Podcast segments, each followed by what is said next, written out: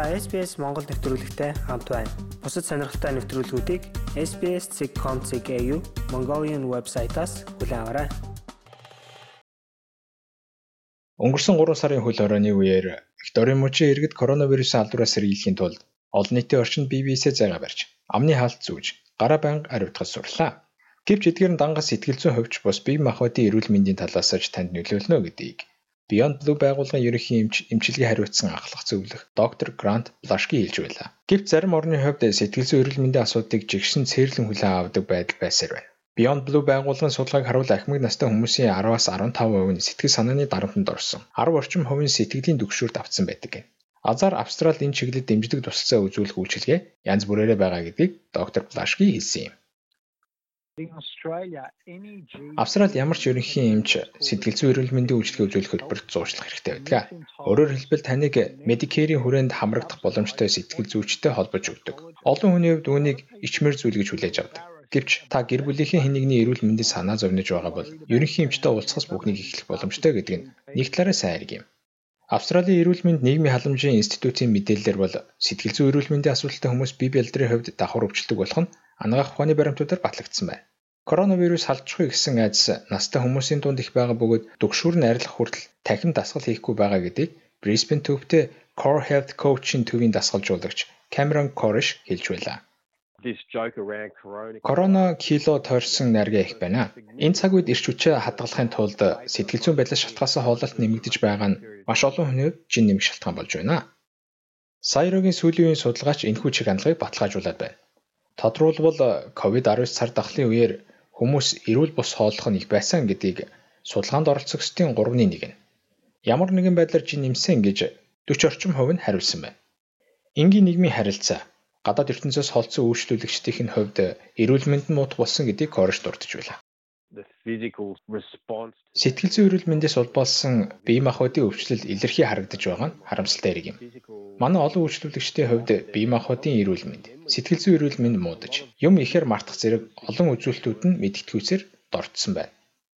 Триатлоны төрлөөр амжилт гаргаж явсан Коришийн хувьд билдраа хөгжүүлэхэд их цагаа зориулдаг байсан тэр үуч өвчин ороохон энүүхэн байсан гэж хэлж байлаа. Харин 10 жилийн өмнөөс эрүүл амьдралын ач холбогдлыг ойлгосноос хойш өвчин орох нь мэдгцгүйж багассан гэдгийг Корш хэлсэн юм.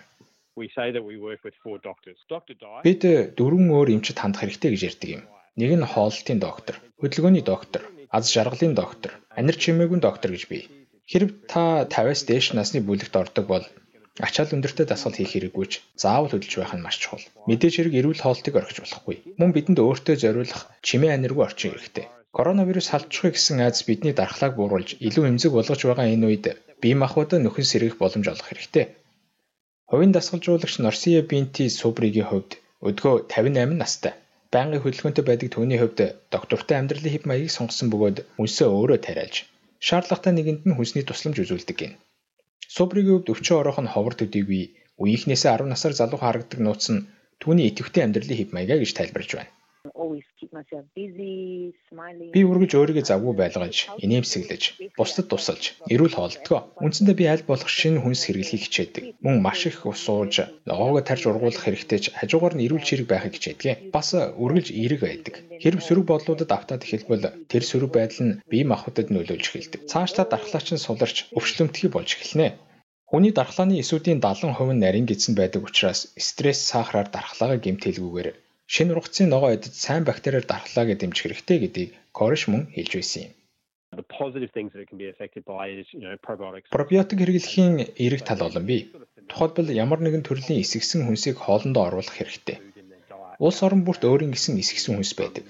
Тухайлбал кимчи, мисо, алюминицу, комбуча гэд бүгд л эрүүл бактериар бидний дархлааны системийг дэмжиж өгч байдаг. Харин доктор Блашкигийн хувьд настай хүмүүст зориулж жимс ногоо буудаа, шош, самар, оливын тосны орс дамгаалсан газар дундад тэнгисийн орнуудтай адил хоолны жориг санал болгож байна. Шилжин суурьшигчдын хувьд Австралид ирснээс хойш эрүүл мэндийн байдлын сайжирдаг хэдий ч сахар, тослог ихтэй хүнс илбэг байдаг нь барууны соёлын нэг эрсдэл гэдгийг ч тэрээр онцлсон юм. Эрүүл хоолны дэглэм барихыг хичээж зохих төвшин биеийн жингээ барьж өдөр бүр дасгал хийж байх хэрэгтэй. Эрүүл мэндэд маш муу нөлөөтэй учир тамхинаас татгалзах хэрэгтэй. Арх согтууруулах хундааны хувьд баг зэрэг байж болох ч COVID-19 цар тахлын үеэр зарим хүмүүс хэтрүүлэн хэрэглэж байгаа нь мэдээж эрүүл мэндэд сүргээр нөлөөлөх нь ойлгомжтой юм. Сайргийн судалгаанаас харуул коронавирусын цар тахал дасгал сургуульд хийхэд нь сөргөөр нөлөөсөн гэж судалгаанд оролцогчдын 3.2 нь хариулсан байна. Субригийн хувьд ч гэсэн цар дахлын ихэнх үед бэлдэржуулах төвөдөд ирэх ахмаг настай хүмүүсийн тоо огцон буурсан гэдгийг хэлж байлаа. Харин өмнө нь ямар ч дасгал хийдэггүй байсан хүмүүс шинээр ирэх болсон нь нэгдлийн эрг өөрчлөлт болж байгааг хэлж байсан юм. Тэдний дунд хор тавдраад ийсэн 60 нэлээд гарсан эмэгтэйч байгаа гэдгийг Субри онцолж байлаа. Бие бэлдэржуулах дасгал хийхгүй бол бие нь муудаж цагаасаа өмнө нүд анж болзошгүй гэж түн дэмжин хэлсэн юм билээ. Тэгээд надтай 7 хоногт нэг л удаа хичээлж гэлсэн. Анхандаа хөдөлгөөн хийхэд түнд маш хэцүү байсан юм. Төвний хувьд дэлгүүр орохдоо тэрэгцээр ашиглахаас өөр аргагүй байсан. Тиймээс би түүний хөдөлгөөнийг дасгалжуулж, сонголт хийлгэж, зөв техниктээр үндэслэн хөдөлгөөнийг сайжруулж, зүрхний цохилтыг нэг дэвшинд бариулж, амьсгалаа зөв хуваарлуулж сургасан. Нэг сарын дотор тэр ямар ч тэрэгцэрийн тусламжгүйгээр дэлгүүр орж, шатаар дээш доош явдаг болсон. Одоо булчин нэмэх дасгалууд хийж эхэлсэн. Энэ бол ахмад насны үйлчлүүлэгч дунд нь гардаг тогтмол өөрчлөлт бөгөөд өмнө нь итгэхгүй байсан хүмүүс байнгын дасгал сургуульд хийснээр ирчүүч эрүүл мэндэн дээшдэг болохыг Субри хэлж байлаа. Оройтсон гэж өөртөө битгий хэлж бай. Дасгал хийхэд хизээч оройтно гэж байхгүй. Өглөө дөнгөж босоод сонголт хийх хэрэгтэй. Эсвэл баг зэргийн йогч хийж болно. Эсвэл орноосоо босолгүйгээр ч сонголт хийж болно. Гол нь хизээч хизээч зогсож болохгүй.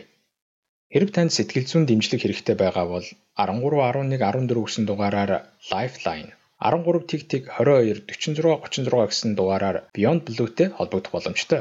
Хэрв танд орчуулгын үйлчилгээ шаардлагатай бол 13 14 50 гэсэн дугаард холбогдож орчуулагч хүсэх боломжтой. Apple Podcast дээр манай нэвтрүүлэгт үнэлгээ өгнө үү? Энэ манай нэвтрүүлгийг хайж олоход бусдад бас туслах юм.